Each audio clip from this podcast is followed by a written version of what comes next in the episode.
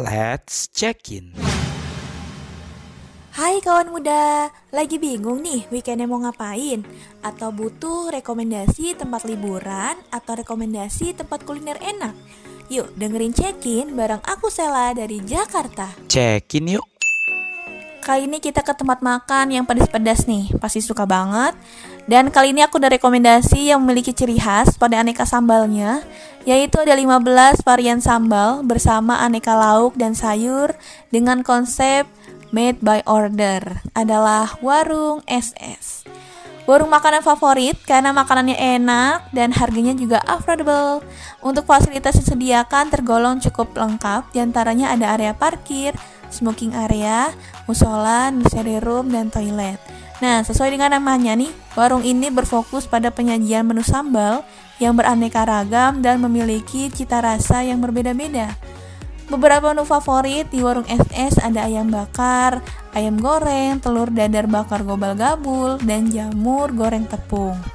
Untuk sambal favoritnya nih ada sambal mangga muda, sambal bawang, dan sambal terasi segar. Dan menu sayur favorit ada cah kangkung dan sayur asem. Untuk harga menu yang disajikan rata-rata dibanderol dengan harga mulai dari 6.000 sampai 20.000. Untuk harga per piring kecilnya nih, sambalnya mulai dari 3000 aja sampai 9000 aja.